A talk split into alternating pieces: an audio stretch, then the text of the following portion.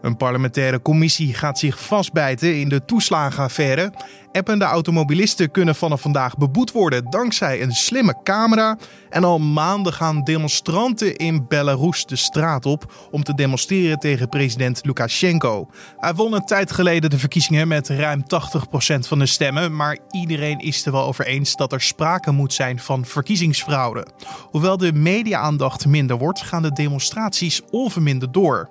Overleeft Lukashenko de protesten of zit zijn einde als leider van het land eraan te komen?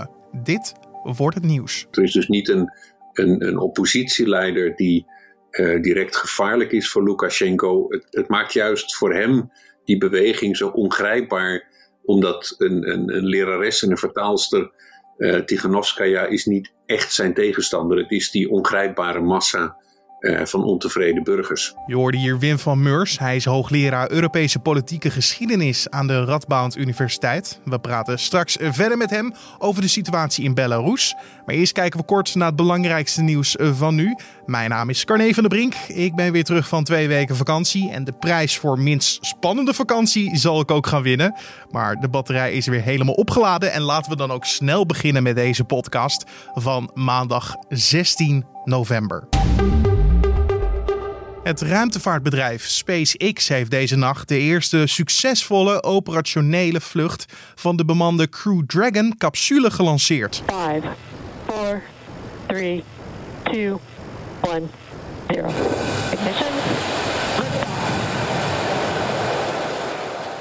In mei werd het door Elon Musk opgerichte SpaceX het eerste commerciële ruimtevaartbedrijf dat astronauten met een eigen raket en capsule lanceerde. Deze vlucht met vier astronauten is de eerste echte door SpaceX gelanceerde expeditie naar het internationaal ruimtestation ISS. De astronauten nemen wetenschappelijke experimenten en nieuwe apparatuur met zich mee. Zo gaan ze onder meer proberen radijsjes te groeien in de ruimte. De Nederlandse krijgsmacht heeft sinds het begin van de corona-uitbraak in het geheim op grote schaal data verzameld over de Nederlandse samenleving en die geduid en verspreid in rapporten. Dat schrijft NRC op basis van eigen onderzoek. Militairen zouden zich maandenlang hebben verdiept in maatschappelijke groepen zoals viruswaarheid en de gele hesjes. Volgens het NRC zouden de analyses van Defensie gedeeld zijn met bijvoorbeeld terrorismecoördinator NCTV en de nationale politie. De gemiddelde leeftijd van de Nederlanders die met pensioen gingen lag vorig jaar voor het eerst boven de 65 jaar.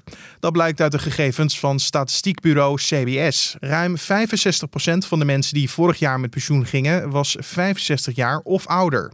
De gemiddelde leeftijd waarop mensen stoppen met werken stijgt al jaren. Oorzaak hiervan is onder meer dat werknemers door de overheid worden gestimuleerd om langer te blijven werken.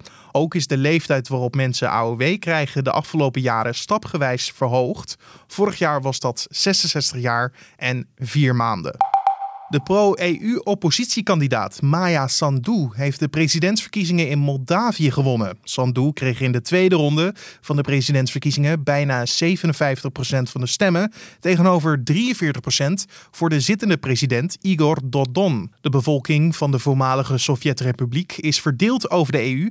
Onder aanvoering van president Dodon wil een groot deel aan innige betrekking met Rusland vasthouden, terwijl het andere deel voor toenadering met de EU is. En dan het hoofdonderwerp van deze podcast. Al maanden gaan demonstranten in Belarus de straat op om te demonstreren tegen president Lukashenko. Om precies te zijn al 99 dagen sinds de verkiezingen van 9 augustus. Lukashenko won die verkiezingen met ruim 80% van de stemmen. Maar ja, vrijwel iedereen is ervan overtuigd dat er sprake is van verkiezingsfraude. Toch wijkt Lukashenko, die al 26 jaar aan de macht is, geen millimeter. Blijkt Lukashenko de protesten te hebben overleefd of hoeven de demonstranten nog maar even door te zetten om hun doel te bereiken? Mijn collega Dominique Schrep sprak hierover met Wim van Meurs, hoogleraar Europese politieke geschiedenis aan de Radboud Universiteit. En hij vroeg hem als eerste hoe groot deze demonstraties nu nog zijn. Ja, dat is, dat is moeilijk in te schatten. Uh, dat geldt zelfs voor demonstraties in het Westen. Maar in Belarus er zijn weinig uh, journalisten aanwezig. Maar het beeld wat ontstaat is toch dat de demonstraties zeg maar onverminderd doorgaan. Mm -hmm. wat, wat willen die demonstranten eigenlijk? Is dat nog hetzelfde als wat ze in augustus willen? dus dat Lukashenko aftreedt? Het is nog hetzelfde als wat ze in augustus wilden. het zijn denk ik twee dingen wat ze hoog op hun agenda hebben staan. Het eerste is meer politieke rechten en, en wegkomen van de dictatuur van Lukashenko, waar we nu dus al 26 jaar naar, of vooral zij dan 26 jaar naar kijken. Uh, en het tweede is toch ook het, uh, het probleem van uh, COVID-19 in Belarus. Um, Lukashenko ontkent eigenlijk dat dit probleem bestaat. en daarmee brengt hij natuurlijk de gezondheid en ook de economie van zijn hele land in gevaar. het kan niet waar zijn dat uh, COVID-19 overal optreedt, maar niet in, uh, in Belarus. Mm We zeiden het net al, hè? Lukashenko is al 26 jaar aan de macht. Uh, dit waren zijn zesde verkiezingen. De eerste vijf had hij eigenlijk geen serieuze tegenstander. Dit jaar had hij die wel, Svetlana Tikhanovskaya. zij had de beste kaart in handen om hem te verslaan. zij heeft nu moeten vluchten naar Litouwen. Hoe, hoe sterk is haar positie eigenlijk nog? Um, ja, dat, is, dat is een hele ingewikkelde vraag. Ik denk dat je aan de ene kant kunt constateren dat het doorgaan van de demonstraties, ondanks het feit dat zij eerst onder druk gezet is en vervolgens gevlucht is, um, dat dat aangeeft dat haar positie uh, niet verzwakt is. Maar ik denk dat het ook belangrijk is te beseffen dat de demonstraties, zij is wel een, een soort uh, boegbeeld van de demonstraties, maar ze is niet echt de politieke leider van deze uh, demonstraties. Um, dat maakt een belangrijk verschil uit. Er is dus niet een, een, een oppositieleider die uh, direct gevaarlijk is voor Lukashenko. Het, het, maakt juist voor hem die beweging zo ongrijpbaar, omdat een, een, een lerares en een vertaalster, uh, Tiganovskaya, is niet echt zijn tegenstander. Het is die ongrijpbare massa van ontevreden burgers. Wie leidt die massa dan eigenlijk? Zit daar een organisatie achter? Er zit wel een organisatie achter, uh, maar uh, zoals ik al zei, die organisatie probeert heel bewust de, de leiding van, uh, van de protesten gespreid te houden en vooral niet de indruk te wekken dat er één iemand ehm, zeg maar het plan heeft om de volgende grote leider van Wit-Rusland te worden. Dus wat dat betreft ontnemen ze Lukashenko eigenlijk een echte uh, politieke tegenstander. En dat maakt het voor hem des te gevaarlijker. -hmm. Ja, ja, in het begin volgden wij in de media natuurlijk Belarus echt op de voet. Uh, we hadden elke dag berichten en video's vanuit Minsk. Uh, tegenwoordig is dit een stuk minder en lijkt het voor de buitenwereld alsof Lukashenko er eigenlijk wel goed zit als president. Waarom wil het de oppositie maar niet lukken om hem te laten aftreden? Of, of lijkt het maar zo voor de buitenwereld en zit Lukashenko op dit moment echt ontzettend in de stress?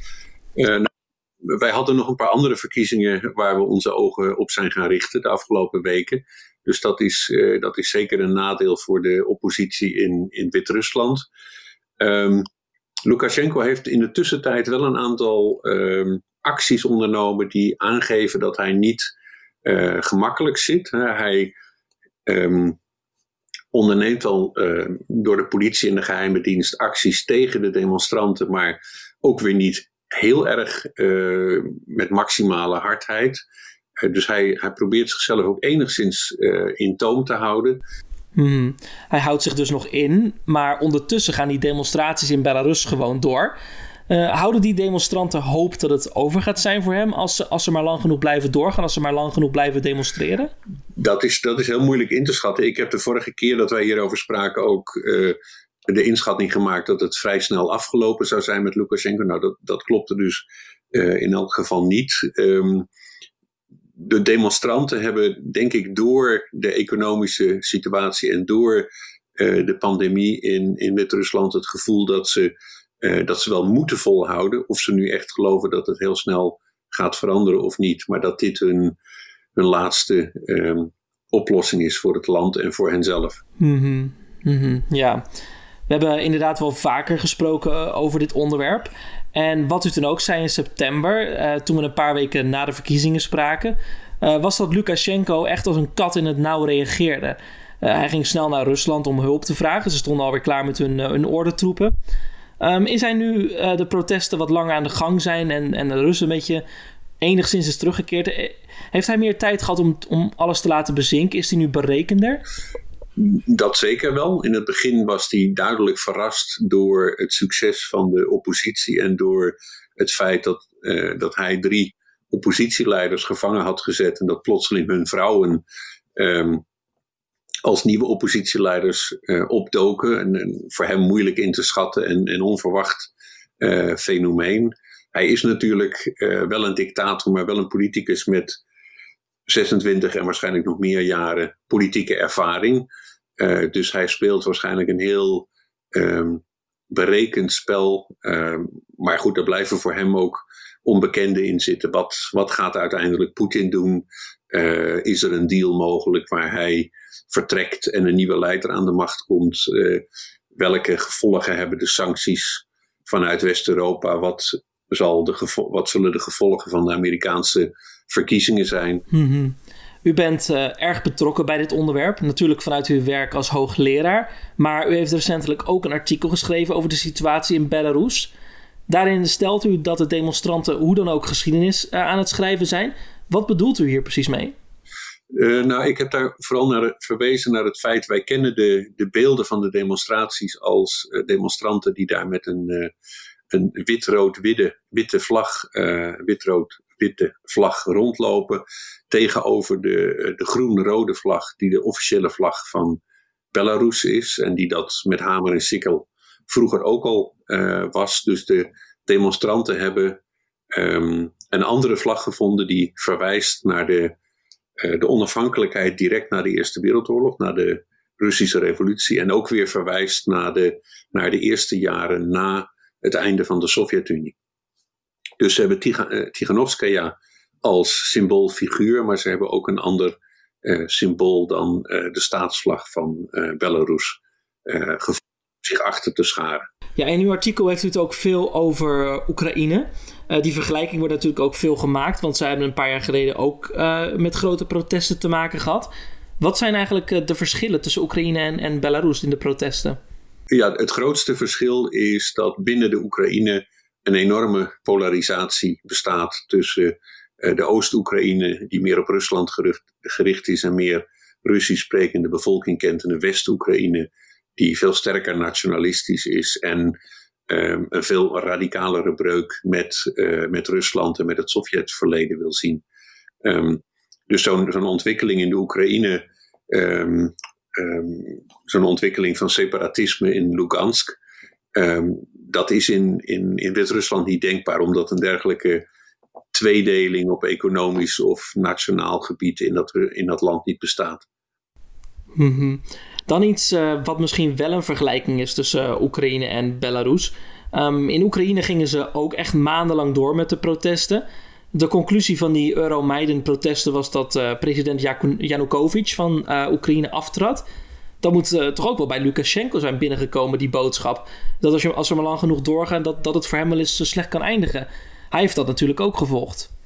Ja, dus die, die vergelijking zal zeker ook wel, uh, ondanks de verschillen die ik net noemde, zal die vergelijkingen ook wel gemaakt worden.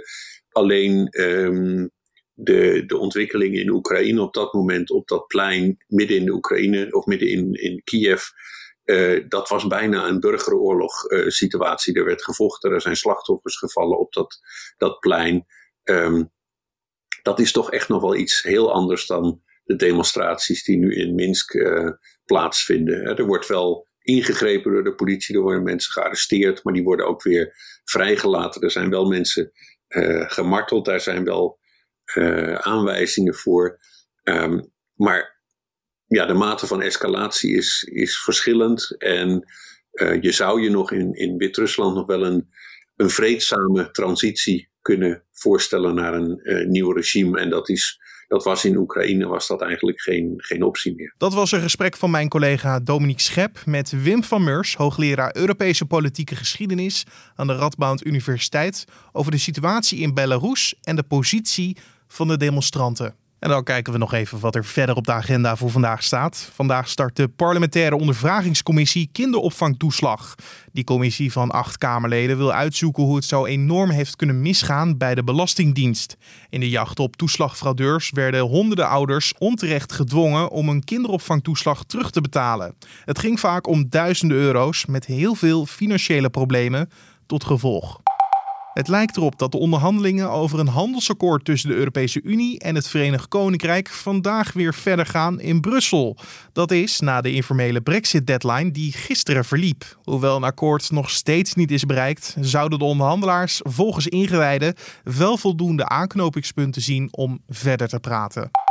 En het OM speurt vanaf vandaag met slimme camera's naar automobilisten die achter het stuur een telefoon vasthouden. De camera's sturen gefotografeerde overtredingen automatisch door naar het Centraal Justitieel Incassobureau. Als daar de overtreding definitief wordt vastgesteld, krijgt de bestuurder een boete van 240 euro op de mat. Nederland is in Europa het eerste land dat de camera's gebruikt voor appboetes. Dus zorg ervoor dat je navigatiesysteem en je muziekplaylist op je telefoon helemaal tip-top in orde is voordat je de weg op gaat. En dan het weer. Gaat het ons nog verrassen vandaag of moet je ervan uitgaan dat het blijft regenen? We vragen het aan Raymond Klaassen van Weerplaza. Er is veel bewolking aanwezig en hier en daar valt er ook nog een regenbui. In de middag blijft het op de meeste plaatsen droog en kan vooral in het westen en zuiden ook af en toe de zon doorbreken. De temperatuur loopt op naar 11 of 12 graden. Verder waait er een matige tot krachtige zuidwestenwind die het voor het gevoel toch echt wel wat koeler maakt. Vanavond verandert er weinig. In de nacht kan er weer af en toe wat regen gaan vallen. Dankjewel Raymond Klaassen van Weerplaza. En om af te sluiten nog een zeer bijzondere vondst. Want Griekse bouwvakkers hebben vrijdag in Athene een eeuwenoud beeld van het hoofd van de Griekse god Hermes opgegraven. De bouwvakkers waren bezig met werkzaamheden aan een riolering en kwamen toen op het marmeren hoofd. Deze bleek op nog geen anderhalf meter onder het trottoir van een drukke straat te liggen. De vondst dateert uit het einde van de vierde of het begin van de derde eeuw voor Christus. In de Griekse mythologie is Hermes zoon van oppergod Zeus, de boodschapper van de goden en de beschermheer van reizigers en dieven. De vondst is nu verplaatst naar een speciale opslag. Het ministerie van Cultuur gaf verder geen details over de waarde van het gevonden beeld, maar ik kan me zo voorstellen dat er een aardig prijskaartje aan vastzit. En tot zover de Dit Wordt Het Nieuws podcast voor deze maandag 16 november. En de podcast vind je elke maandag tot en met vrijdag in de ochtend en middag op de voorpagina van nu.nl en in je favoriete podcast app. Je kan ons ook heel erg blij maken met een mailtje te sturen naar podcast.nu.nl. Heb je bijvoorbeeld vragen voor ons of feedback die je graag met ons zou willen delen? Laat het ons weten via een mailtje naar podcast.nu.nl. Mijn naam is Carne van der Brink. Bedankt voor het luisteren en graag tot de volgende podcast.